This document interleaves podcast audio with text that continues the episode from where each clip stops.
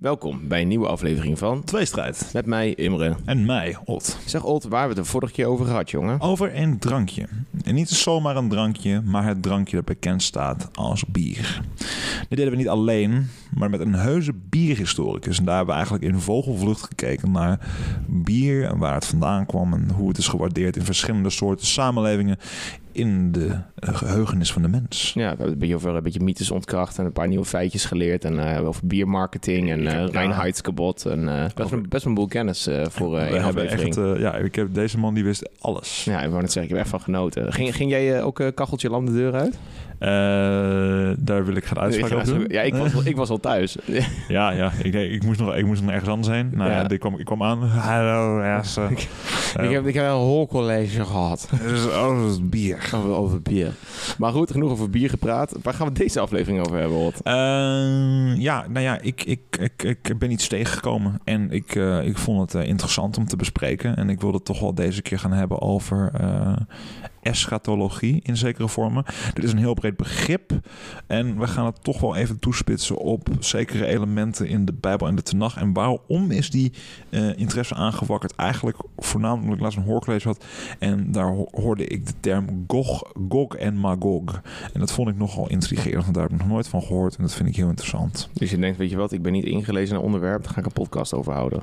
Ja. Nou, gewoon, ja, dan, dan, dan motiveer jezelf om daar, toch in op nee, nee, is wel, Je gooit jezelf wel lekker in diepe. Ja, precies. Hey, uh, weet je waar het begrip eschatologie vandaan komt? Uh, eschaton. Dat is een Grieks woord, toch? Ja, ja het, komt van het, het komt van het Griekse twee woorden af. Ta, uh, ta eschata en uh, logos. Logos betekent woord of leer. En uh, ta eschata betekent eigenlijk de laatste dingen. Dus de leer van de laatste dingen. Dat is eschatologie. Mm, um, dat klinkt heel vet. Ja, nee, is het ook. En eschatos of eschatos, als je het heel Nederlands uitspreken. Dat is in het Nieuwe Testament, uh, wordt dat begrip gebruikt. En dat duidt dan voornamelijk op de wederkomst van uh, de Messias, uh, Jezus, zeg maar. Het is, ja, het is iets messianistisch. Uh, nou ja, het begrip eschatologie is breder. Ja, nu, nu moet meteen alles breed trekken, meteen alle ja. deuren opengooien. Eschatologie is niet uniek aan het christendom. een boel religies hebben een zekere eindtijd. eindtijd die ze, waar ze over leren, waar hun heilig geschrift over leert. Eschatologie, mm-hmm. leer van de laatste dingen. Um, en het Nieuwe Testament wordt uh, hè, met een dikke christelijke saus, wordt over met eschatos, wordt eigenlijk geleerd over de wederkomst van ja, het Jezus. Feit, het feit dat je de term eschatos gebruikt wil zeggen, dit is uh, wel christelijk, christelijk want ja. dat is ook de taal waar dat, dat is het woord waar het Nieuwe Testament voor kiest. Ja, maar eschatologie precies. is eigenlijk gewoon in de, in de, breedste zin van het woord, zeg maar, de leer van de laatste dingen. Um, maar wat, wat, hoe, even, hoe noemen die, hoe noemden de pre-christenen dat? De joden, weet je dat toevallig? De, de pre-christenen, dat zijn... Zo, dat is wel een confrontatie. Zeg je nou dat alle joden in principe pre-christenen zijn? Oh, dat vind ik wel heel brug stampen wat je inneemt. Nee, kijk, kijk, joden zijn toch geen christenen? Nee, nee klopt. En christenen ook geen maar, joden. Dat, daarom. Nee. daarom je bent gewoon benieuwd hoe het ik bedoel, ik bedoel pre-messianistisch. Je bedoelt eigenlijk hoe het een... Uh, hoe ja, ik weet wel. Wel begrip, wel begrip er voor uh, eschatologie in het Oude Testament. Dus bedoel dat gewoon te ja, vragen? Ja, ja maar, nee, maar kijk, ik, kijk, ik ben niet, hey, ik ben niet die, die fucking, uh, hoe heet het, die, uh, die, die theologie guy. Dus ik weet ook echt niet wat voor uitspraak. Dus ik zit waarschijnlijk hier gewoon een hele groep te beledigen zonder nee, te nee, nee, oh.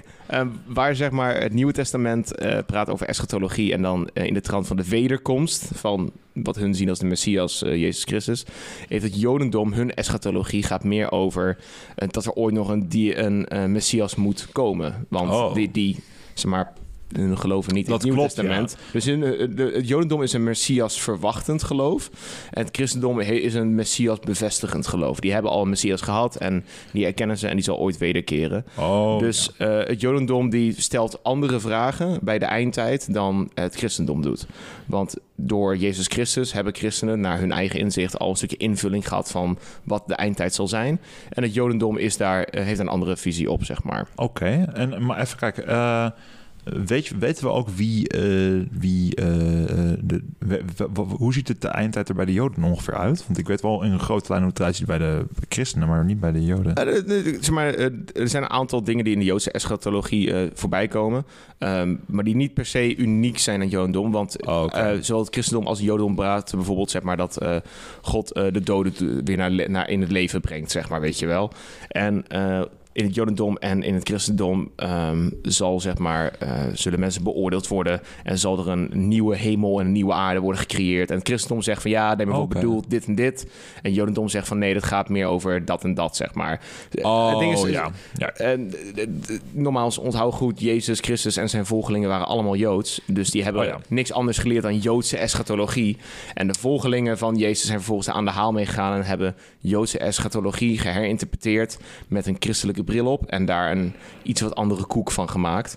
Eh, maar ze lijken idioot veel op elkaar. Ze, eh, Oh. Ja, dat. Oké, oké, nee, nee, oké. Nou, het- is niet gigantisch uit elkaar liggend. Eh, Ik weet bijvoorbeeld niet heel veel over de islam hierin, over hun eschatolo- eschatologisch denkbeeld. Maar ook hun hebben best wel eh, inderdaad. Ja, het is ook een. Ja, het is een. Hoe zeg je Je- dat? ik weet wel dat Jezus erin Eh, voorkomt. het is een Abrahamistisch, nee, Judaïstisch geloof. Nee, nee, nee. nee. Abrahamistisch. Toch wel, hè? Ja, ja, ja. Abrahamistisch geloof. Ja, Dus het is, ja, christendom, jodendom, islam zijn de drie Abrahamistische religies. Ja, voor de mensen die denken van, goh, waar hebben deze jongens nu over? Nou ja, kijk, eh, om een goed voorbeeld te kenschetsen, toen eigenlijk de, ja, in de zevende en achtste eeuw eh, onder eh, de rechtsgeleide kaliefen, eh, na Mohammed en ook onder Mohammed, nieuwe eh, gebieden werden veroverd, kwamen ze natuurlijk eh, ja, orthodox-christelijke Byzantijnen tegen, eh, Nestoriaanse Egyptenaren tegen, en monofysitische, weet ik veel, ja, vandalen tegen, of als Ja. Ariaanse vandalen tegen. Allemaal mensen die dus een substroming in binnen, binnen eh, christendom, het, eerder, het vroege christendom, eh, aanhingen.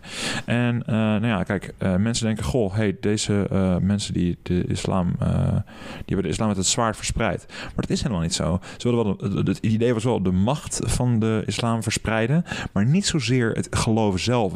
Ehm, ze waren wel gewoon nieuw gevestigd geloof, maar ze kwamen op een heel gelukkig moment binnenvallen. Want eh, de macht van, eh, ja, we hebben het hier over de 7e en 8e eeuw. En voor de, men- en voor de kenners, die weten dat er net een dikke vette oorlog is geweest tussen zowel het Sassanitische, dus Perzische, Zoroastrische Rijk en het Byzantijnse Rijk. En dat er ook nog eens een Justiniaanse plaag overheen is geweest. Dus het allemaal een beetje in elkaar is gekukeld. Dus deze, ehm, eh, ja, die moslims toen hadden vrij spel onder eh, kalif Uthman en eh, kalif Abu Bakr en dat soort mensen. Maar die hebben dus wel veel gelijkenissen erin. En die zagen ook dus, en dat is waar ik naartoe werk, die zagen de Joden en de christenen als volkeren van het boek. Als eh, van eenzelfde geloof was, Ja. van dat een van die geloven was, en ook zelfs soms ook vaak eh, niet te geloven van het boek, dan werd je als broedervolk gezien en dan kon je een DIMA-overeenkomst krijgen. En dat betekent dat je gewoon iets extra belasting moest betalen, maar wel gewoon kon doen wat je, moest betalen. wat je wilde. Ja, eh, het- en je, mocht je, en je mocht je huis niet groter bouwen. En dat vonden ze niet zo leuk. Nou ja, je mocht niet zomaar... Je kerk, kerk, kerkdienst kon ook niet zomaar. Zo- Dus Zo'n is gekke wel- vergunning was het dat is bijna. wel- eh, het, is wel, Ja. het is wel acceptatie. Voor die tijd vind ik het een redelijk Het acceptatie. je klinkt bijna als een aflaat. Ja, ja, ja, ja, ja. Het is zout wat je doet, maar je kunt jezelf vrijkopen. Ja, het- ja, ja, precies. basically. Ja, dus, ja, maar dus daarom zie je ook wel een redelijke overlap in eh, de eschatologie van de islam. Dat durf ik even niet te zeggen hoe dat eruit ziet. Eh, Ik weet wel bijvoorbeeld zeg maar, dat eh, in de escha- eh, zeg maar, hoewel Jodendom, Christendom en Islam drie Abrahamistische religies zijn. ehm, zoals ik net al zei, Jodendom is een Messias verwachtend, eh, verwachtende religie. Die verwachten nog een Messias in de eindtijd. ja. Christendom heeft een Messias gehad, die verwacht een wederkomst van de Messias. Islam verwacht niet per se een Messias, maar verwacht wel een verlosser, wat bijna hetzelfde... Nou ja, Messias betekent echt letterlijk gezalfde, voor de kenners eh, in deze in, Ja. van eh, deze luisteraars. Messias betekent letterlijk gezalfde. Het, de islam heeft twee dingen eigenlijk. Of ze verwachten dat de profeet Isa, wat Jezus is... Of ze verwachten de Mahdi, wat een verlosser of een bevrijder is. En dat zijn eh, allebei... Ze erkennen Jezus wel. Ja, ja absoluut. Een van de, misschien wel de, na de profeet Mohammed, misschien wel de grootste profeet binnen de islam is eh, Isa, oftewel Jezus. Ehm, hun verwachten zeg maar dat of Isa of Mahdi ehm, naar de aarde komen en eh, op een bepaald moment. En dat die eh, de, de oorlogen zal stoppen en een soort van tijd, een tijdperk van vrede zal zeg maar, beginnen. Dus dan een tijd van rust komen. En maar dan heb je ook weer het verschil tussen Shiiten en Soenieten over rechtspraak, zeg maar. Ehm, voor mij zeggen Shiiten uit mijn hoofd zeggen dat de Mahdi, de bevrijder, de, de verlosser, dat Ja. die zeg maar recht gaat spreken. En Soenieten geloven dat alleen Allah, God, dat doet, zeg maar. Maar dat is, dat is mijn beknopte kennis van Ja. islamitische eschatologie. Ja, Ik weet wel, zeg maar, dat wel, het, het is geen Messias verwachtend geloof. Ze verwachten niet dat er een Messias komt aan het einde van de tijd. Ze verwachten wel dat er een verlosser komt die een einde maakt aan de turbulente tijd op aarde. En daarna zal er een, een tijd van rechtspraak zijn. Nou, het verschil is ook dat gewoon daar is Mohammed is daar gekomen. En Mohammed eh, is daar ook erkend. En Jezus is gekomen, maar is niet erkend. En Mhm. toen kwam die afsplitsing. Of ja, dat, dat, zeg, Ja, ik, dat zeg ik nu hier gewoon als de arbitrair nee, wetende- Onthoud wel, zeg maar, eh, eh, de islam, eh, zeg maar, is, profeet Mohammed is absoluut 100% superduper heilig. Maar het is geen Messias, het is geen, het is geen zoon van God. Hij is 0,0 God, hij is gewoon... Ah, hij kreeg wel de- ingevingen van... Ja, klopt. Ja, van Jibril, zeg maar, van de engel Gabriel. Hij werd door Allah, door God uitgekozen om zijn boodschapper te zijn. Dat maakt hem niet... ehm, ik, ik, vind het soms te cru gezegd, zeg maar, dat... ehm, zeg maar, de islam... Erkennen we zeg maar dat oh, Mohammed was voor hun hun belangrijkste persoon. Dat is absoluut waar. Maar ik weet niet hoe ik er mezelf bij voel om te zeggen van... oh ja, hoe de christenen Jezus zien, zo zien ehm, de moslims Mohammed. Nee, Want, want oké. je- want er zijn een boel christenen die zeggen... die richten zich alleen op Jezus. Er zijn Ja. ook christenen die volgen zich heel veel op kerkvazen... op profeten en op de, de leerlingen van Jezus... Hè, en, de, en, de, en de schrijvers van de evangeliën, de evangelisten. In ieder geval de synoptici. Nee, en moslims hebben ehm, naast Mohammed ook nog andere overleveringen... en ze kunnen terugkijken op profeten daarvoor. Zeg maar... Mohammed nam een andere rol in voor de moslim dan Jezus innam voor de eerste christenen.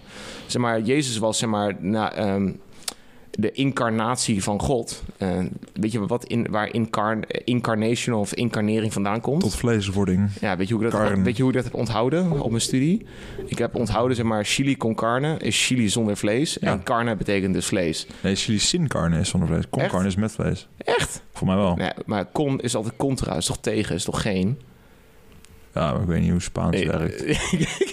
ik What the fuck is Spaans? heb alleen Grieks gedaan. Ik No, heb dus- nobody expects the Spanish. Inquisition. Nobody expects Spanish. Ja, maar... Ik, eh, weet- ik weet niet of... ehm, maar de Koran spreekt ook, trouwens ook over de Hornenman. Nou, dat is vrij duidelijk wie dat is. ja.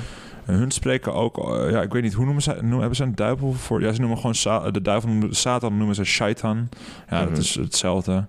Ehm, ja, en ze, ze halen ook wederom Gog en Magog aan in de Koran. Even kijken, dat is... eh, ja. Eh, maar die, dat spreek je anders uit. En ik vind het altijd gaaf om dat te proberen. Ik, eh, het spijt me bij mensen met een eh, Arabische achtergrond. Ik ga waarschijnlijk jullie taal nu eventjes bevuilen. Uh, Jasoujish, ma, Mazous. Of ja, mag- ja, je mag hem proberen, maar je, mag, je mag hem proberen te spellen, maar Echt nee. doodziek. En dat is vermeld in de Suri al-Ghaf. in En dat betekent de grot. Mhm. Ja, goed. Eh, nee, dat, daar wordt het in al omschreven. En ik was heel erg benieuwd naar die Gog en Magog. En ik vind het heel erg random. Want ja, ik weet, ik weet wel het een en ander over zeven... eh, de, de Four Horsemen of Death. Nee, de Three Horsemen of Death. Eh, nee, de, de, de vier ruiters. De vier ruiters van de dood. Eh Van wie de- heb je? Naar de vier ruiters van de apocalyps. De vier ruiters van Apocalypse. Eh dat er. En je hebt eh, zeven engelen. Want zeven is ook altijd zo'n... Is Ja. ook een hemelsgetal. Ja, net zoals zeven apostelen toch ook? Ja. Ja, ja kijk, daar ben ik weer. Eh, Twaalf apostelen. Oh ja, twaalf kut. Ja, het is 12 en 7. Dat zijn, Twaalf best wel veel heilige... Ja, ja. Zes is dan weer een slecht getal. En dan zeven is dan weer een positief getal. Ja, en twaalf ja, ja. is weer een positief getal. Zeg maar, eh, christelijke numerologie, dat gaat intens diep, zeg maar. Alle, eh, je moet bij, ook als het, je... gaat, het gaat verder terug hoor. Je hebt de heilige drie-eenheid. Maar je had dan bijvoorbeeld ook binnen de... eh, Maar het Jodendom heeft ook heel veel met nummers. Want het Hebreeuws voegt ook waarde aan bepaalde letters toe, zeg maar. Dus ieder nummer wat je leest in het Oude Testament of in het Nieuwe Testament... daar staat vaak niet letterlijk het nummer. maar je hebt het ook in heidens. Noors geloof ik. Je hebt dan drie. En dat is dan, je hebt dan drie nornen. En drie nornen die spinnen de weefgetouwen van jouw leven. Zeg maar. Die bepalen wat jouw leven is. Komt er, komt er niet bij Hercules of zo vandaan dat je die levensdraden ook hebt? Die heb je ook. En dat is, dat is grappig, want dat is, eh, want dat is dus ook een heidens geloof. En daar heb je ook drie, de, de Three Sisters of Fate. Ja. En dat eh, is dus ook terug te zien in de Scandinavische... dus dat betekent dat ze waarschijnlijk contact met elkaar hebben gehad heel lang geleden. dus of, ze, of ze hebben het echt gewoon heel toevallig. Maar echt heeft iets- heel toevallig. Er heeft iets van syncretisme bestaan inderdaad, ja. ja. Maar goed, eh, nee. ehm, Er maar, zijn vier ruiters met twaalf apostelen en Gog en, Ma Ja, ja, en, nee, en kijk, de apostelen niet, maar er zijn wel zeven engelen die met, met toeters blazen. Dat is, dat is een ding. Oh, je, je, bent- je doelt echt zeg maar, op die handelingen die gebeuren zeg maar, wanneer de de christelijke open- eindtijd de eh, openbaring, van Johannes. En daar, dat, zag ik, dat zag ik ook naar voren komen. In dat, eh, want dat was al best wel nieuw voor mij. Want we hadden allemaal uh, hoorcolleges gehad over ja, gewoon politiek. En eh, ja, natuurlijk speelt geloof daar een rol. En over de, Ja. de opkomst en afbouw van steden en oorlogen. Nou, vet. En in één keer is er gewoon een hoorcollege. En het gaat heel erg over dit soort thema's... en hoe dit een invloed heeft gehad op de samenleving rond het jaar 1000. Want ja, mensen dachten het duizendjarige rijk van Jezus Christus. Eh, en Ja. die dachten... En je had dan twee eigenlijk een beetje gedachtegoederen. Je had dan de ene die dacht van... Goh, eh, het einde is nabij. Ja. Of eh, Jezus is eh, nu duizend jaar... do- Nee, wat was het nou? Je- Jezus gaat nu weer komen. Mhm. En dat, dat zal dus het einde der tijden weer zijn. Of, Ja. en, en, en, en je hebt... Jezus nu duizend jaar dood.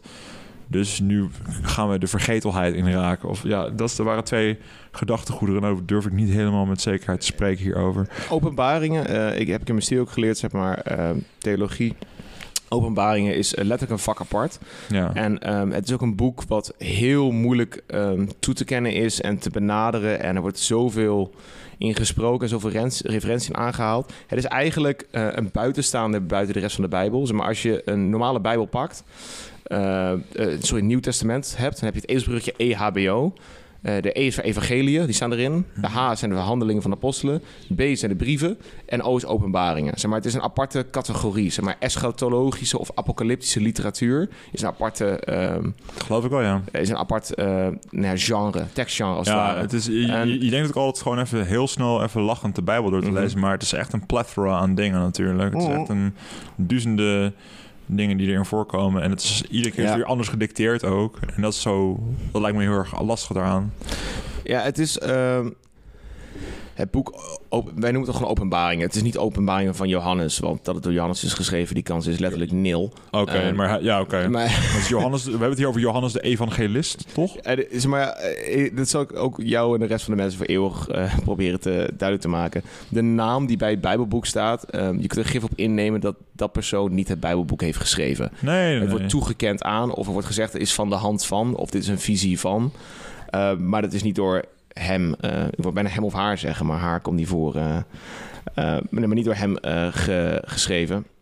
En boek Openbaringen, dat zijn een aantal verhalen met een heleboel symboliek erin. Maar je moet het eigenlijk, er komt een boel symboliek in voor. Ja, het is, Maar een het boek vier, is- er zijn vier dieren ook. Ja, weer die vier? Er, ko- er komen zeven zegels, zeven trompetten, ze- eh, v- vier De ruiters. zevende zegel ook, Eh, ja. Ja. zeven zegels en het lam gods komt voor en die wordt en dan ja eh, le- lees openbaringen een keer als je nuchter bent en niet als je eh, psy- psychedelische middelen hebt gebruikt, want dan ga je helemaal bad denk ik. Maar eh, er wordt idioot veel eh, gebruikt, Ja. Eh, gebru- besproken. Ja. Ehm, ik weet ook niet of je er heel veel wijzer van wordt. Want ik denk als je dit leest als een soort van profetische, esoterische, symbolische tekst... Ja, maar dan... dan- word je er geen drol wijzer van. Maar word je alleen maar, ga je overal naar correlaties zien in het leven om je heen, denk ik. Wat ook heel waardevol kan zijn. Mhm. Als je de openbaringen, dus Revelations, gaat lezen als dit gaat gebeuren... dan klinkt het al helemaal knetter. Want dan gaan er heel, heel veel gekke dingen gebeuren, zeg maar. Ja, precies. En Maar hij spreekt bijvoorbeeld onder andere over eh, het ontstaan van vier grote rijken daarin. Ja, klopt. En dat is ge, eh, gesymboliseerd door een leeuw, Mhm. een eh, slang, Ja. nee, een geit en nog iets anders. Nou, ik weet niet. Het zijn vier dieren en dat symboliseert vier rijken. Toen ter tijd in de context waar het is opgeschreven, had je natuurlijk leeuw. Ja, dat gaat toch wel gauw terug naar eh, Perzië. En waarschijnlijk de adelaar, dat, ging, dat werd weer teruggetrokken naar Rome. Mhm. wat er toen was. Ehm, en nog twee andere. Ik weet niet heel erg met zekerheid te zeggen. Ik, eh, maar dat, is, dat, dat, dat vond ik ook zo intrigerend. En mensen die hadden er dus echt meerdere manieren dat werd eh, ja, geïnterpreteerd. En dat is heel logisch, want het is... ja, het is heel erg ja, niet Eh, vaag, maar het is gewoon, ja, ja. Dat, is, dat is dat symboliek, weet je wel. Ja, klopt. Ehm, er zijn een heleboel interessante hoorcolleges over, zeker van Yale University. Die heeft er een paar hele mooie over, over eschatologie. Ehm, maar je moet je voorstellen, in het, boe- het Bijbelboek Openbaring wordt op een bepaald punt, wordt voor mij in Openbaringen 6 uit mijn hoofd, wordt beschreven dat er eh, zes zegels zijn. Ehm, en in de eerste vier zegels, je moet naar een, een- waar zit een zegel op? Ot? Oh, sorry, dit, sorry, dit is, nee, sorry hoor. Dit is het boek van Daniel, niet Johannes. Ah, Oké, oké. En dat ging over vier beesten. Ik ga, sorry dat ik je onderbreek. Het was het Babylonische, het Perzische, het Griekse, het Romeinse. Maar het precieze eind werd toen bij dat boek van Daniel ook in de, die wordt niet aangeduid. Het gaat hier eh, welke dag of uur. Niemand weet het dus pas op. Dus ik denk dat dit een beetje die voedingsbodem is. Dat, dat zet ik ik hier eventjes eh blatantly. Dat het een beetje een soort van voedingsbodem is geweest. Voor ook een beetje die memento mori gedachte. Ja. Van het, het, het komt eraan. eh, dus wees gewoon voorbereid. Zorg dat je ja, daar, daar naartoe leeft. Maar sorry, jij wilde wat zeggen? Ho? Nee, kijk, Daniel is ook een, een groot profeet geweest. Ehm nogmaals, oud-testamentische oud oud-testamentische tekst, Daniel. Mhm. En eh, persoon dat voorkomt. Ehm, maar je moet nagaan, zeg maar, dus een nieuw eh, christelijke eschatologie... die heeft een boel dingen meegenomen van Joodse es- eschatologie... want het waren Joden. Ehm, en zeker de vroege christenen. Maar om te visualiseren hoe knettergek, zeg maar, openbaring is... Nieuw Testament, christelijk... Ja, dat, dat is er zijn- volgt, zeg maar, ja. in die hele ideegang. Ja, ideegang, ja. de- zeg maar, lees dat boek een keer voor de lol, want je wordt echt helemaal wild ervan. Je krijgt hoofdpijn ervan. Ehm, maar nou goed, wa- waarop druk je een zegel? Waar vind je zegels? Een brief. Ja, waarop nog meer? Vro vroeger. Eh, de Magna Carta. Dat is een Een, contract. een boekrol. Een boekrol, Oh ja. die, werd, die, en als een boekrol af, af was en geschreven, werd er een zegel op gedaan. En als de zegel was doorbroken, dan kon je ook zien van, oh, de tekst is gelezen, zeg maar. Nou, openbaringen praat bepaald, er zijn, er zijn zes zegels, maar er wordt niet verteld waar die zegels op zitten. Er staat gewoon, er zijn zes zegels. In de lucht, whatever. Wij gaan ervan uit dat er, een, toch- dat, dat de zegel op een boekrol zit. toch Ja? van de gekken. Ja, nou, de eerste vier boekrollen, of de zegels van de boekrollen worden verbroken. En uit die boekrol komen de vier ruiters van de apocalyps. Oh nee. De- da- de- en moet je nagaan, dan zit je pas in tekst in hoofdstuk 6 van de 22 van openbaringen. Wat? Er komen vier ruiters uit. Het vijfde, zeven, eh, vijfde zegel wordt verbroken. Daar eh, komen de zielen onder het altaar vandaan van de gelovige christenen. Die zijn gestorven als martelaren ehm, tijdens, het tijde van, ten tijde van de grote verdrukking. Het zesde zegel, eh, komt er een, daar, als die open gaat, komt er een zware aardbeving. Eh, Aardbevingen, ja. ja. aardbevingen. En dan, op een, en dan gaat het verder. en Dan ook komen, oorlogen, want dat, dat, schijnt, dat ja. schijnt ook nodig te zijn. En dat ja, maar die, die komen mee met de, met de vier ruiters van de apocalyps. Oké, ja. Dan, dan komen we het zevende zegel. Dan komt er een stiltemoment, een half uur. En daarna komen er zeven engelen met zeven bazuinen.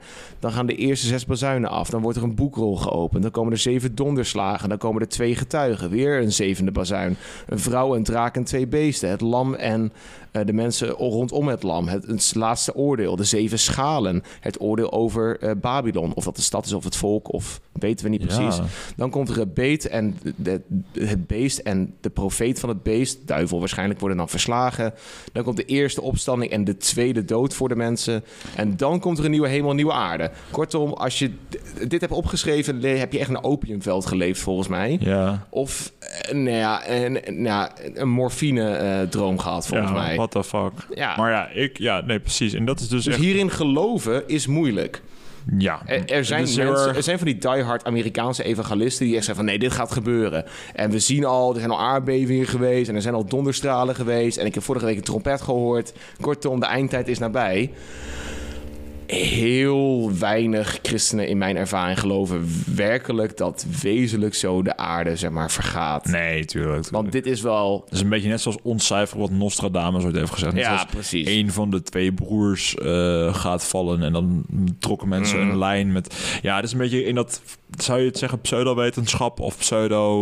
Nou ja, ja, het- is de- wel een mens- onderdeel ervan, maar het is wel een heel erg eh, apart ondervak. De mens is een verklarend wezen en dit is waarschijnlijk een manier geweest om dingen te verklaren. Want, Oké. want Genesis leest vrij logisch. Ja. Komt ook dat wij daarmee zijn opgevoed in onze Sorry, echt, cultuur. het is een epic, weet maar, je wel. ja, maar eh, Genesis denk je van, oh ja, licht, duisternis, wat, water. wat, wat, wat was bergen. geen stuk, dat was de geboorte. het scheppingsverhaal Ja, van de aarde. Volgens het, het, het jodendom en het Ja, christendom. en dan, en heb je, daarna heb je Exodus. Ja, Nee. nee, dat, dat boeit niet. Maar goed, de schepping van de aarde klinkt voor een boel mensen van ons, hebben we geleerd op school, klinkt Veel- logisch. Logisch, ja. Ja, een beetje dieren en Adam en Eva en de mens wordt gemaakt. Maar dan denk je, oké, nou, we hebben een antwoord op de vraag hoe is de aarde ontstaan. Ja. Maar dan komt de vraag, hoe gaat de aarde ooit beëindigd worden? Hoe stopt tijd? Of wanneer stopt tijd? En dan krijg je openbaringen. En dan gaat het over lammetjes en draken en de hoer van Babylon en zeven trompetten met zes zegels, met Ja, vier maar dat is toch- ruiters. Dat is toch Ik fucking... toch dik? kierenwiet van, Dat is man. toch fucking dik, jongen. Echt, ik zweer, ik, heb, ik, kan, ik kan nu echt gewoon met dit ene tekst hier voor me... kan ik echt al zoveel nieuwe albums bedenken. Om gewoon, nou, er zijn al heel veel over gemaakt natuurlijk, maar er moeten nog meer komen. Maar ik was heel erg geïnteresse- geïntrigeerd over Gog en Magog. Echt, dat is ook weer een van die elementen in die openbaringen. En dat is dus schijnbaar vaak... Er zijn dat verre volkeren die aanvallen. Wie Gog en wie Magog is... people don't know. Dus mensen leiden terug tot meerdere eh, personen of wezens die een soort van die, die, gelijk... het, die het zouden zijn, ja. Ja, die het zouden kunnen zijn, maar niemand heeft een idee. Maar Gog en Magog zijn twee monsters ook die onderdeel zijn van, Jezus, uh, van, de, van de duivel. En mm, ja, de Gog en Magog is ook een naam toegekend aan meerdere volkeren die zijn binnengevallen uh, in tijden van onrust. Ja. Uh, Assyrië en Babylonië in het Oude Testament. Het waren ook wel de gasten die roet in het eten gooiden. Um, ja, tijdens, uh, het, het, het, het uh, tijdens Judea, toen Judea bestond. Ja. Uh, je, je moet nagaan, zeg maar, dat is wel belangrijk om te onthouden voor mensen die niet um, een, studieschuld hebben opgelopen en x aantal jaar van hun leven verpest Nee, aan nee, theologie. nee, nee, nee. Uh, de Bijbel zien wij nu als een oud boek, maar de Bijbel is een momentopname. Zeg maar, De Bijbel, alle- de Bijbel was ook een interpretatie van de wereld van toen. ja, precies. wel. Maar hoe bepaalde volken worden afgekafferd in het eh, Oude en Nieuwe Testament, dat is gewoon eigenlijk dat. Waarschijnlijk is het Joodse volk of het christelijke geloof in die tijd vernietigd of vermoord of vervolgd door, door de Romeinen, Grieken, Hellenistisch geloof, eh Perzen, eh, wie dan ook, zeg maar. En dat schrijven ze gewoon live op. En dat gaat mee in hun traditie. Van er is een duivels volk. En dat komt uit het oosten. En Ja. dat daarmee persen wordt bedoeld. Dat interpreteren wij nu, zeg maar. Maar dat is toen letterlijk zeg maar, opgeschreven. Als in denk aan boze briefjes in groep 8 schrijven aan elkaar. Ja. Van nee, de persen zijn hartstikke stom. En dat is gewoon terechtgekomen in de Tenach bijvoorbeeld. En dat Ja. lezen we nu nog steeds. En dat dat nu zeg maar bijvoorbeeld de naam van de volkeren uit het oosten draagt. En we werden gewoon letterlijk bedoeld te persen. En dan kunnen we historisch en eh, archeologisch terugkijken. Oh, wacht Deze, tekst is gewoon- deze tekst is zoveel honderd jaar oud. Zoveel honderd jaar geleden werd inderdaad de Joodse provincie puntje puntje binnengevallen door een Persisch Rijk. Ja, maar dat is, ja, maar dat is, ook, Ah. dat, dat is ook de bias die eraan hangt natuurlijk. Hè? Want eh, uiteindelijk adopteren ook zeg maar, die, de, de, de, Romeinen... die ook eerst ook de, ja, de, de, vijand, ja, de, de, de vijand zijn van Judea. Hè? We, hebben, we hebben het toen eh, een aantal afleveringen geleden gehad... over die, eh, hè, die belegering toen. Mhm.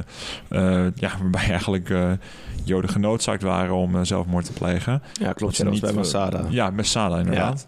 Eh, nou ja, uiteindelijk gaan die Romeinen ook eh, bepaalde aanvallers eh, die naam toekennen. Zoals uiteindelijk eh, Attila de Hun. Ja. eh, ja, niet geheel onterecht eigenlijk de Scourge of God genoemd. En wordt hij en worden de Hunnen ook eh, eh, Gog en Magog genoemd. ja, precies. En Gog en Magog, zeg maar voor de mensen die nu helemaal de draad kwijt zijn. Ja. Gog en Magog is een naam die voorkomt uit mijn hoofd in Ezekiel, dat is het Oude Testament. oh ja. En het komt voor in Openbaringen, Nieuwe Testament. Ehm Gog en Magog zijn personen en worden ook wel als een de heerser en een land neergezet. ja, maar we wie- weten, we weten niet wat welke is? Nee, we weten niet of Gog nou het persoon was en Magog het land of andersom. Ja, maar dat vind ik Dat zo weten we niet. fucking weird. Ja, het, echt van, het, het- het zijn twee namen die worden pontificaal neergesmeten in eh, Ezekiel en Openbaringen. Ja. Wij lezen dit nu en hebben geen flauw idee wat het is. Waarschijnlijk in de tijd van Ezekiel en toen Openbaring werd opgeschreven. Wanneer was, Was er in- naar schatting hoe lang? Wanneer zou dat zijn? Poef, Ezekiel, eh, dat is Oude Testament. Dus dan zou je het misschien al over, eh, ja, wat zal het zijn? Eh, dik 2000 jaar geleden. Langer zelfs, zeg maar. Zo. Ja, ik bedoel, Oude Testament is pre- pre-christendom. dus, oud. Ja, pittig oud. En Openbaringen is later geschreven, weet ik oprecht niet uit mijn hoofd wanneer het is opgeschreven. Maar in de volkscultuur en in de volksmond wist men toen de tijd waarschijnlijk wat er bedoeld werd met Gog en Magog. Wij weten dit nu niet en gaan proberen zeg maar, de, de zeitgeist van die oude mensen terug te halen. Ja, eigenlijk wel. Het is eigenlijk gewoon de, ja, de, de, eh, eh, voor, voor mij zijn het de leiders die in die eh, apocalyptische voorspelling eh, die oorlog, die grote oorlog moeten veroorzaken. Want die oorlogen zijn ook onderdeel van de, wat zei je, tweede zegel of eerste zegel van die zeven zegels. Ja, precies. Eh, Nee, de, eer- nee, de eerste vier zegels, dat zijn de vier ruiters. Dat is, de eer, dat is het Ja, enige wat je wilt onthouden aan, de, aan dit hoorcollege. Ja. De eerste vier van de zeven zegels zijn de vier ruiters van de apocalypse. in ieder geval, ja, precies dat dus. En daar, in een van die vier zegels, daar heb je dus ook die, nou ja, die, die Gog en Magog erbij zitten. En eh, ja, het zijn meerdere volken die het zijn toegeëigend. Mhm. Eh, de Goten natuurlijk, je, je kent ze, je hebt ze lief. 411, Rome wordt eh, geplunderd door de Goten, dus dat waren zeker. Ehm, eh, ook Gog Magog, eh hunnen waren het Saracenen. eh, door, ja, dus dan heb ik het over de, ja, de, de, de, de moslims die kwamen. Worden ook trouwens volgens bepaalde monniken ook gezien als het verdwaalde zaad van Cain. ja. Ook een figuur uit de Bijbel. Ja, eh, waar ken je die van, Ot? Citizen Kane, nee. Nee, nee, maar oké, wie de Nederlandse vorm voor Kane? Wat de Nederlandse naam daarvoor is? Koen. Is, het is de broer van Abel. Eh, Kaan. Kaan. Kaan. Kaan en Abel. Kaan en Abel. Kaan. Kaan. Genghis Khan. Nee. en Abel. Kaan. ja, ja, ik, ja, ik moet zeggen, mijn, eh, mijn bijbelse kennis is toch wat... Nee, nee, eh, nee, nee, maar Kaan, je hebt Kaan en je hebt Abel. En Ja. weet je wat de dynamiek tussen twee, deze twee mensen is? Broers. Ja, wat nog meer? De Eentje, de een moet de ander vermoorden. Ja, Nee, dit zijn de... Dit zijn de, dit zijn de dit die, deze komen na eh, Abraham en Eva. Dit zijn Abraham de- en Adam en Eva. de, de twee zonen van Adam en Eva zijn Kain en Abel. ja, juist. Ik, Kaan, ik zei Kain, Kain, Kain en Abel. Cain, ja. Eh, dat plaatje wat wij van tweestrijd hebben, hè, wat gebeurt daarop? Daar wordt iets in de brand gestoken. Nee, dat zijn Kain en Abel. Ja, dat weet ik. nou, maar hadden dat we nou maar potverdorie opgelet. Ja, maar eerder Ja. ja. wordt ook iets in de brand En gestoken. mijn ding is, Door Kain nou en ja, Abel. Kain vermoordt Abel. Oké. Dat is een heel lang verhaal, maar Kain was jaloers op Abel. En Kain vermoordt Abel. De straf die Kain krijgt, hij krijgt de Mark of the Beast. Nou, hij krijgt een teken op zijn voorhoofd. Dat wordt momenteel geïnterpreteerd als tatoeage. Waarop staat dat hij de rest van zijn leven moet dwalen. Kortom, Kain wordt verstoten door God. Mark of the Beast. Ja, nou, hij, nou, hij krijgt een markering, waarschijnlijk op zijn voorhoofd. Mhm. ehm, waarop staat, zeg maar, met, niet met dit, een paria. Niet met dit persoon in contact komen. Oh. En hij wordt eh, veroordeeld tot eeuwig zwerven over de aarde. What the fuck? Maar als hij kinderen krijgt, hè, zijn verloren zaad, zijn zwervende nakomelingen, ja. zijn, zwervende, zijn nakomelingen, dat zijn dus de kinderen van de allereerste zon, van, nou, van, nou, niet de eerste zondaar, van de eerste moordenaar. Zeg maar, Adam en Eva hebben gezondigd, maar Kain was de eerste moordenaar. Ja. Nou, dus de, als jij zegt van, oh nee, mijn over, over, overgrootvader was Kain. Oh, dus je- jij bent letterlijk de kleinzoon van de allereerste moordenaar ooit. Stront aan de knikker. Ja, ja. Leuk man, prettig kennis te maken. Ja, dus dat is eigenlijk Dus- best wel een grove belediging. Het is een gigantisch grove belediging. Onthoud, zeg maar, eh bijbelse en eschatolo- eschatologische literatuur is een genre waar zoveel ehm, eigenlijk belang wordt gelegd dat jij kennis hebt van wat al deze termen ja, betekenen, omdat anders de belediging eigenlijk niet aankomt. Nee. als, je, als je tegen een leek zegt, hè, on- Yo, jij bent echt gok. Ja, je hebt- je hebt- Oh ja, oké, cool oh, ja, echt, jouw overgrootvader was voor mij Kain, of niet? Dan Ja. heeft hij geen flauw benul wat je hem toewenst of wat je zegt dat hij is. Ja, precies. Ehm, dus dat is wel belangrijk om te onthouden. Ehm, wel leuk voor jou, eh, zeg maar, om te weten. Eh Ezekiel, waar je het net over had, Ja, ja. Hè, die ook over Gog en Magog schrijft, die schrijft heel kritisch over de volken om hem heen. Hij heeft profetieën die ehm, eh, tegen eh, omliggende landen zijn. Zoals Oh, de ja. Ammonieten, de Moabieten, de Edomieten, de Filistijnen, Tyrus, daar hebben we het over gehad bij de belegering. Ja? Hè? En eh, Sidon en Egypte. Ezekiel schrijft in zijn tijd, hij heeft profetieën gehad. Dat zet ik nu even tussen haakjes. Hij heeft in ieder geval boze dingen geschreven en gezien over die volken. Dat heeft hij toen de tijd goed opgeschreven, waardoor hij nu weet, waardoor wij nu weten, oh, hij bedoelt de Ammonieten, de Moabieten, de Edomieten en de Filistijnen, et cetera. Ja. Maar stel je voor, hij had nepnamen gebruikt, zoals waarschijnlijk Gog en Magog, dan zouden we nu nog steeds niet weten waar die gozer een hekel aan heeft. Nee. Dus ik denk echt ik denk dat Gok en Magog een soort van misschien wel dat wij nu zeggen eh, Jan Jansen of eh, weet je wel dat er wordt John Doe wordt bedoeld. Zeg maar dat Gok en Magog misschien wel betekent dat ene bekende persoon die wij allemaal kennen, maar waarvan we de naam even van zijn vergeten, maar we weten allemaal dat we wie Ja. we bedoelen. Ik denk dat Gok Magog een eh, ja, een soort van dat we moeten lezen als een blanco naam van een volk of een land of een overheerser. Gewoon de tegenstander. Ja, de, de tegenstander, de antagonist, De- de zeg maar. tegenpartij. Ja, de tegenpartij. Geen zaak, iedereen raak. Ja, precies. Maar, maar eh, Ja, dat denk ik. ah, ja, oké, fair enough. Ja, ik, ik vond die afbeeldingen ervan zo engig, maar eh, nee, goed. Eh, als- als je ook... Ik ben er niet zo bang van. Nou, ik- ik vind, ja, ik vind dat die, die, die, die, die, die, die, middeleeuwse depicties van duivels, denk ik echt van, dat is toch wel wat anders wat je dan tegenwoordig ziet in horrorfilms, hoor. Ja, dat is, dat is wel Eh, waar. Het zijn echt een partijen, lelijkes. Nou ja, iedereen, iedereen die luistert, eh, zoek het voor de gein even op. Het zijn een het zijn een partij lelijkes dit. Ehm, nou ja, goed. Die worden heel erg gerelateerd aan die eschatologie. Ehm, en eh, ja, dat vond ik gewoon ontzettend interessant eigenlijk.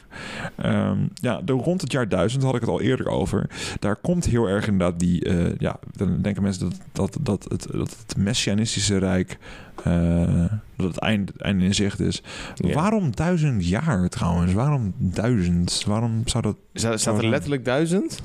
Ja, het duizendjarige rijk. Dat, Ja, oké. maar wat heb je net geleerd over, over nummers in uh, heilige ja, het is, gewoon, het is gewoon een puur... Nooit letter... Dan moet je nagaan, duizend was waarschijnlijk toen eh, in de volksmond doodziek, ja. oneindig. Ja. Als in eh, hoeveel, duizend, weet ik veel wat. En dan zo mensen waarschijnlijk begrijpen, oh, duizend. Kortom, het, het oneindige rijk. Zeg maar, noem maar eens dingen die duizend jaar oud zijn of bestaan. Dat zijn heel weinig dingen in onze, beleefwerings- in onze beleefwereld nu. Ja. Ja, Dus trouwens, ja, nou, ook, wat, ook een historische context die je kan kenschetsen aan rond het jaar 1000 dat mensen denken dat het einde het, einde in zicht is, is eh, ja, voor de mensen die eh, een beetje hun jaartelling een beetje begrijpen, ja, in de eh, negende eeuw, eh, er was een klein beetje stabiliteit. We hadden de Carolingische dynastie onder niemand minder dan Karel de Grote en daarvoor ook nog de Merovingers. Dat zijn allemaal mensen ja, van het Frankische Rijk besloeg niet alleen Frankrijk, maar besloeg ook een heel groot gedeelte van Europa gewoon in general. En we hadden de, nou ja, de, de, Spanje was bezet door de, de, de, de eh, moslimvolk. Eh, die hebben daar best wel een, een goede tijd doorgemaakt ook zelfs. Eh, en er was best wel een redelijk stabiele tijd. Waar het niet tot in dat in 793 onze jongens uit Scandinavië binnenvallen. En dat is het moment waarbij de vlam in de pan slaat. Een redelijk, eh, nou ja, toch al dun bevolkt Europa, wat redelijke stabiliteit heeft kunnen opbouwen uit de remnants van Rome, van, van het Romeinse Rijk. Eh, dat kukelt in elkaar, want de koning kan niet meer 1, 2, 3 zomaar klaarstaan als Noormannen met ontzettend snelle, wendbare schepen. ehm, ja, eh, jouw rivieren op, eh, opvaren. Dus, dus dat is een van die oorlogen. En waarschijnlijk zal ook heus wel in een volksmond Gog en Magog toegekend zijn aan hun. Eh, niet alleen dat. In het zuiden hadden wij ook nog gewoon natuurlijk A, dus Ara- Arabieren, maar ook Arabische piraten op de Middellandse Zee, waar iedereen last van had. En uit het oosten hadden we ook nog eens de Magyaren. En de Magyaren zijn eigenlijk een, niet, niet heel veel anders dan een soort van opvolgervolk van Hunnen. Ja, een ruitervolk. Dat komt ook gewoon maar binnenrijden en eh schiet de boel overhoop met hun composietbogen. Want ja, ru- ruiters te paard met bogen, dames en heren. In die tijd, dat is me toch een belaag van je welste. Want dat is, eh, ja, een staand leger is niet tegen opgewassen. Want die gaan in cirkels rijden om jouw leger heen. En die schiet het helemaal aan gort. De, de komst van het paard is zeg maar echt te vergelijken met de komst van buskruid. Oh ja, Ja, ja. maar, maar- maar het, is, het is niet alleen de komst van het paard, maar hoe- in hoeverre jij als volk het paard bemeestert. Als jij Ja, leeft in het zadel. en- Ruitervolken. ja, als, ja, als jij leeft in het zadel en kan schieten vanuit het zadel met jouw Schieten tijdens het rijden. Ja, dus we hebben het hier niet over eh, Engelse lang, langbogen in de Nee, 14e nee, eeuw. nee, nee, nee. We hebben het hier over composietbogen. Dat zijn bogen die een soort van boog hebben door het, het, het, de draad wat ertussen zit. De, de, de Dus snaar. reet te strak Het staat. is re te strak. Dus als je daar een pijl van afschiet, dan vliegt gewoon door ja, eh, eh, een kuras, dus een, een borstplaat, vliegt dat zo lachend heen. Door, door Maliënkolder, mensen weten het niet, maar Maliënkolder, daar, daar vliegt alles doorheen, want dat is gewoon niet goed. Nou ja, dat is, dat is wel goed, maar het is, eh, Niet opgewassen tegen. Nee, er zijn bepaalde dingen die tegenhouden, maar heel veel dingen houdt het ook niet tegen. En zo'n hele eh, puntige pijl, die gaat gewoon door zo'n ringetje heen. Ktats. Ja, een ringetje knapt, heb je één keer een, Ja. een pijl in je borst. Kortom, onrust. Mensen denken, goh, Gog en Magog zijn gekomen. Het einde der tijden is aanwezig. Er zijn kerkgemeenschappen en bisdommen waar men het er helemaal mee eens was. Het einde was gekomen. En er waren bisdommen waar dat het niet mee eens was. Mensen dachten van, die Jezus gaat nu komen. Of mensen denken, dachten, het einde is nu nabij. En dat vond ik zo intrigerend. En het speelt ook wel een aantal dingen in de hand. Want enkele kenners, die weten natuurlijk ook wel eh, van ja, de, de, de loop van de geschiedenis, is dat in eh, het jaartal, eh, dan moet ik het even goed hebben, dat niet heel erg lang daarna, na het jaar 1000, de eerste kruistocht gaat uitbreken. En eh, dat er ook nog een best wel uh, aan het opwalmen is. En ik heb het over, met, als ik kijk naar het jaar uh, van de eerste kruistocht, is 196. Dan gaat Paus Gregorius, Paus, sorry, Paus Urbanus II, die roept het dan uit. Als het is initieel als bescherming van het Oost-Romeinse, dus Byzantijnse Rijk. Maar het is een uitspatting van geloofsfanaticisme vanuit de christelijke hoek. Uh, ik wil daar graag een soort van ja, een, een, een verband in slaan. Dat eigenlijk die angst voor het einde der tijden, ook die, dat geloofsfanaticisme, wat er al was, maar het was nog in de kinderschoenen in die vroege middeleeuwen, hè, van vijf, mm -hmm. ongeveer 500 tot 1000, was nog redelijk in de kinderschoenen. Ik bedoel, het platteland werd nog volop gewoon heidens geloof. Dat, dat durf ik ook met, ja. met oprechtheid te zeggen. Maar rond dat jaar begint het fanaticisme op te wel. Maar ook vanaf dat jaar gaan we kathedralen zien van hier in Tokio, echt ontzettend groot. En vanaf ja. dat jaar ja, dan zien we ook nog meer kloosterorders. Uh, eh, nog meer, ja, de kruistochten beginnen. Reconquista begint. Eh, Mhm. ook in die eeuwen daarna zien we ook dat de Slavische landen bekeerd gaan worden. Eh, het, het, het, het neemt nog grotere vormen aan, het christendom. Want het was echt in die eeuwen van eh, de vikingen invallen. Het was, het was er wel, het, christendom, maar het had zo weggevallen, had het Ja, zo weggevallen kunnen zijn. Denk jij zeg maar dat eh, doordat christendom groter eh, werd en groter was geworden, dat er daardoor eh, meer over hel en verdoemenis werd gesproken? Nee, ik denk juist dat er een angst was voor eh, die, pre, die, die, die preken. Ja, En men, en men juist uit angst eh, ging geloven, ook deels. Eh, dat, maar dat, zou, dat zou kunnen. Je moet nagaan, zeg maar, hè, iemand, iemand inderdaad die gewijd is, dus geen leek is, die nou, voor het altaar staat. die niet kan lezen, notabene. Hè? Dat is één iemand, in de gemeente die kan lezen. analfabeet. Analfabeet, inderdaad, ja. Maar ik, ik, ik, ik, ik denk wel dat, ehm, dat eschatologie en dat het praten over de apocalyps en het einde der tijden, dat het een middel is wat door religies is gebruikt in tijden van onrust of wanneer het volk even dicht bij je geloof moet trekken. Dat is gebruik van, hey, jullie komen heel braaf iedere vrijdag, zaterdag, zondag, welk geloof je met het aanhangt. Dat hangt er ook af welke dag je gebruikt. Ehm, leuk dat jullie komen, maar onthoud even, dit staat jullie te wachten als jullie kappen met meedoen. Ik denk ook, zeg maar, dat... Ja, maar dat is wat ik bedoel. Daar, Ja. daarom, daarom ging juist men fanatieker in geloven. Omdat ze anders bang waren. Omdat Ja, het anders dat zo, zo fanatiek kwam. erin geloven. Het werd hun, denk ik, er, het werd er dikker bovenop gesmeerd door hun religieuze leiders. Van Oh, onthoud even. Dit gaat je gebeuren als je niet meedoet. Dat, dat, is, dat is niet vrijwillig in iets geloven. Dat is eigenlijk bedreigd worden met het idee van...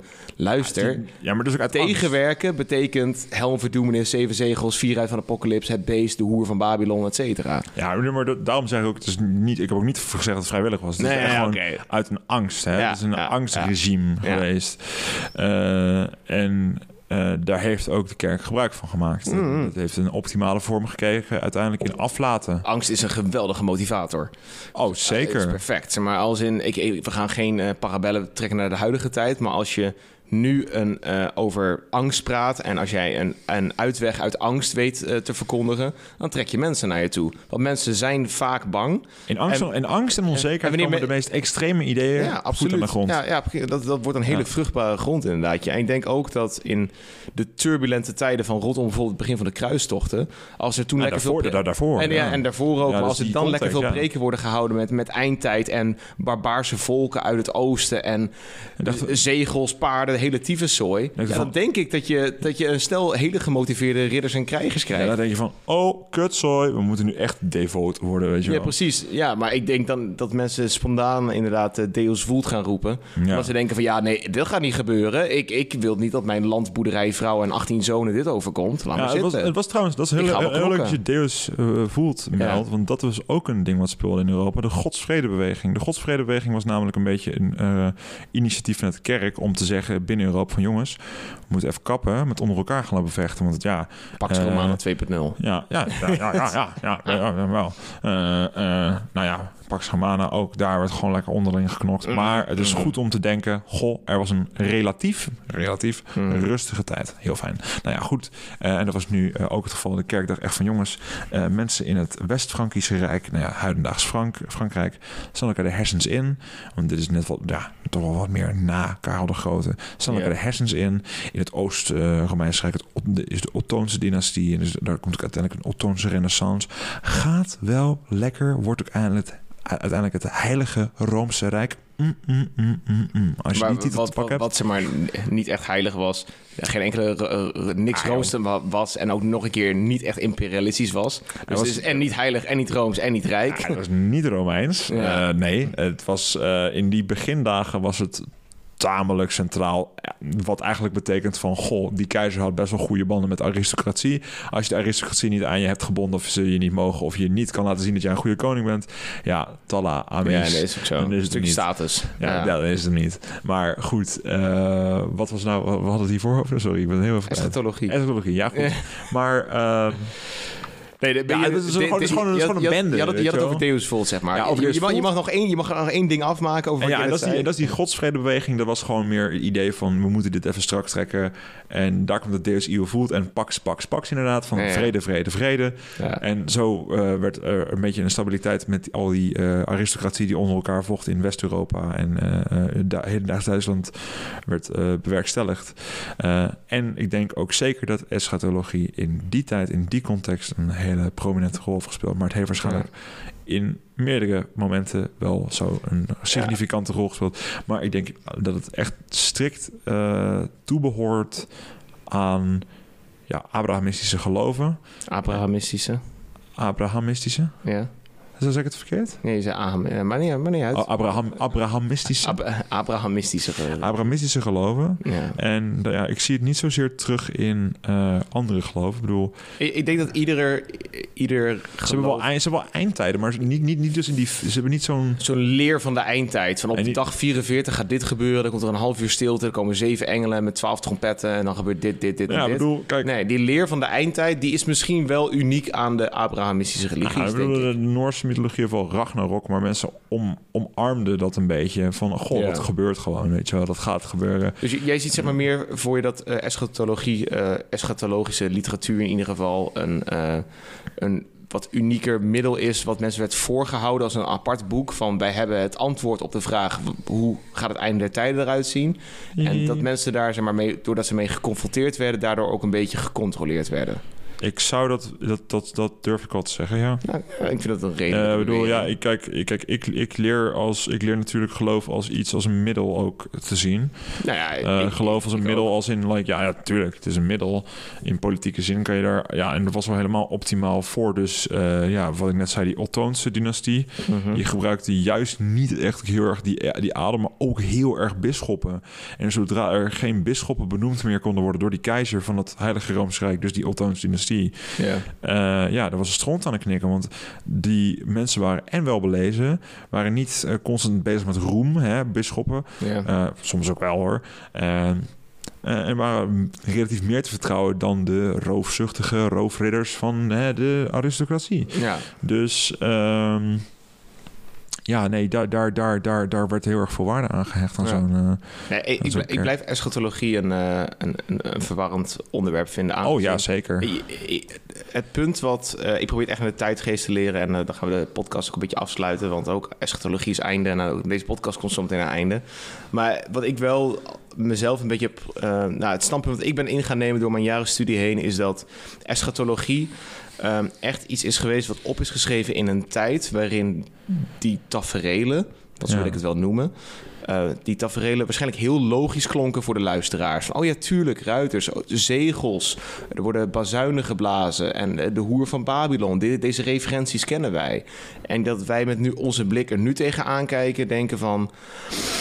Ik weet niet waar die mensen toen hebben geloofd, maar we weten één ding dat het bizar en confronterend en groots is en gevaarlijk en beangstigend is. Ja, ik, Ehm, vind het, ik vind het nogal... Ja, ik vind het, Eh, het ik- doet wel iets of zo als je het hoort. Ja, de, het doet wel iets met me. maar kan ik wel komen, kan Wij- er wel komen... ik, ik voel me nu zo... Ik- waarschijnlijk als ik nu... Iedereen leest een keer voor de lol een paar versen uit openbaringen. Maar ik denk dat mensen zich, zich nu zo vervreemd voelen... van, wat, van eigenlijk de, de ernst en de angst die deze tekst eh, bevat, Ja, zeg ik- maar. Dat de tekst wel- bijna impactloos lijkt. Want ik geloof niet in dat wat in openbaring staat wezenlijk gaat gebeuren. En ik ken weinig christenen, gewijde christenen... dus eh, ik heb een katholieke opleiding gezeten... ik ken weinig mensen die nu onder andere priester zijn of diaken... die ook wezenlijk geloven dat dit hoe de eindtijd eruit ziet. De katholieke kerk heeft vaak standpunten ingenomen over... de hel is geen fysieke plek, dat is een state of mind. Dat is een, een besef, een gevoel van dat je verlaten bent... en dat je Gods liefde hebt ehm, afgekeurd. Protestanten daarentegen geloven juist gra- grappig genoeg vaker in dat de hel een fysieke plek is. Klopt. Dus openbaar. Nou ja, dat zou kunnen. Ja, dus openbaringen ben ik echt in gaan zien als in dit is een tekst wat ooit een middel is geweest om mensen duidelijk te maken. Het einde der tijden komt niet zomaar. Het is gewoon een En- beetje een karikatuur van hoe men het toen interpreteerde. Ja, Heel dat- emotioneel. Dat denk ik, om misschien ook waarschijnlijk mensen af te schrikken. Van jongens, eh, we hebben nu vier oorlogen verloren. Als we vijf oorlogen eh, verliezen, ehm, dan komt het einde der tijden. Huh, hoe weet je dat? Nou, er staat hier een boekje, eh, hoofdstuk 44. Daar staat, en toen werden er vijf oorlogen Ja, verloren. weet je, en dat is, ook, dat is ook weer ook dat van, ja, er breken oorlogen uit, er komen aardbevingen, whatever. Eh, Er- eh, Verklarend. ja, de mensen van, maar verklarend nu, moeten we, nu moeten we wat doen, Ja, anders want- is de stront aan de knikken. Ja, want als er drie aardbevingen komen, dan stort de berg in. Dan komt er een beest uit en die, die beest krijgt een draak. En dan ja, dan is alles kapot. Dat kan niet anders. Ja, precies. Ja, bizar verhaal. Ja, bizar. het echt een, eh, Eh, een- het blijft een mysterie, dames en heren. Ik denk ook niet dat we echt heel veel antwoorden hebben gevonden, maar we heel erg hebben gespeculeerd deze eh, aflevering. Ja. Van, goh, wat zou het kunnen zijn? Wie, wie kunnen we zijn het de volgende keer niet over vlindertuinen hebben of zo? Iets van, Ja, we gaan het even over wat vrolijks. liefs hebben. Weet je wat? En, eh, We spreken het nu nou, af. We hebben het vorige keer wel over eh, bier, gehad. Dus Ja, dat was niet heel kwaad. Ja, nou, het is nog steeds tamelijk kwaad. En je wordt nog steeds dronken. Alcoholisme is no joke. Ja, dat is, nee, is geen grapje. en zo. Nee. Maar weet je wat? Stel je voor, aflevering 12 wordt een, wordt een vrolijk onderwerp. We gaan over iets vrolijks hebben. Gewoon over, over iets van muziek of Hey, zo. welke, wat, eh, op, op het moment van opnemen, Ja. wat, wat hebben wij... Oh nee, kut. Ik wilde net zeggen, van, goh, laten we het over de herkomst van Pasen doen. Laat maar. ik ben echt zo dom. het, is, het is paasweekend, maar dat terzijde. Ja, in één keer. Ik weet nog dat ik paas... Ja, het, is bij, het is bijna paasweekend voor het moment... wat Welke ben- dag is het vandaag, Ot? Vrijdag. Ja, donderdag. En morgen is het Goede Vrijdag. Ja, ja, precies. En wat komt er voor Goede Vrijdag? Eh, blue... eh, Was jij niet katholiek opgevoed? Misdienaartje? Ja, ja, ik weet het, maar ik ben het echt zo Iets hard met, wi- iets vergeten. met Witte Donderdag of zo? eh? Oh ja, witte donderdag. Ja, ja, en dat, dat is dat die, dat is dat eh Yeshua toch wordt eh geflailed met eh wapes. Wip wips. Ja, jij bent hier katholiek. Ja, ik ben, ik heb, ja, het is lang geleden, man. ik heb, eh, en ik heb ook, eh, hoe heet het? Ik, ik weet nog dat ik één keer per ongeluk op eh, paasavond had ik, had ik de tv aan en stond Passion of the Christ. Of nou, ik was helemaal naar de Ik, klote. ik, ik krijg er inge... Oké, weet je wat? Deze podcast het loopt over 10 seconden af. Ehm, ik krijg ingegroeide teennagels van Passion of the Christ. ja. Ja, ik ben niet eens christelijk. En gek genoeg vind ik het godslastering. Ik vind het hoe het, hoe het theatraal, hoe dingen worden afgebeeld. En dan staat er een zingende Judas. ja, en- Mel Gibson, man. En, Mel Gibson. eh, ja, maar, ik bedoel ook de EU. De, ik bedoel de EU-musical, hè? Die eh, ieder jaar de, eh, de, de EO organiseert Oh, de EO, Passion ja, ja, ja. Daar krijg je ingegroeide teennagels van. Ik vind dat echt...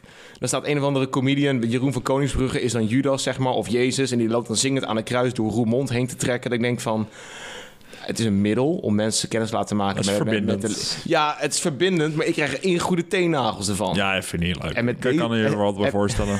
En, met dit einde, over het einde der tijden, gaan we denk ik afsluiten. Ja. Eh, we hebben een boel gespeculeerd, we hebben een boel begrippen aangehaald. Ja, we Ik zijn, denk- ik hoop dat jullie ook wel wat wijzer zijn geworden. Ik hoop dat jullie ook gewoon... Of eh, verward, en dat je nu jezelf gaat inlezen. Ja, doe het alsjeblieft, man. We- wees verward, ga En, openbaringen eh, lezen. En als je jezelf echt verward voelt, ga niet verwarden. Staat ook even lekker naar Instagram en volg ons even lekker op Instagram. Ja, eh, Goeie pluk, lekker subtiel. ja man. Nee, hey, aflevering 12, aflevering 12 voor een vrolijk onderwerp. Of stuur een onderwerp in, apenstaatje Ja, podcast. Instagram. even weer iets leuks, even wat lachen. Of wordt Als je nou denkt dat jij dingen beter weet, eh, zoals Leendert, ehm, schuif hier aan tafel. Ja, god. Ja, god. Je ja, bent welkom. Wees welkom. We, we gieten je Ja. helemaal vol met alcoholische versnaperingen. En dan ga we- jij eh, een mooi praatje pot en we vertellen. gaan weer heerlijke dingen bespreken Precies. met z'n allen. Voor deze aflevering, ik was Imre. En ik was Ot. En tot de volgende keer bij Tweestrijd. Tot de volgende keer. Tot ziens.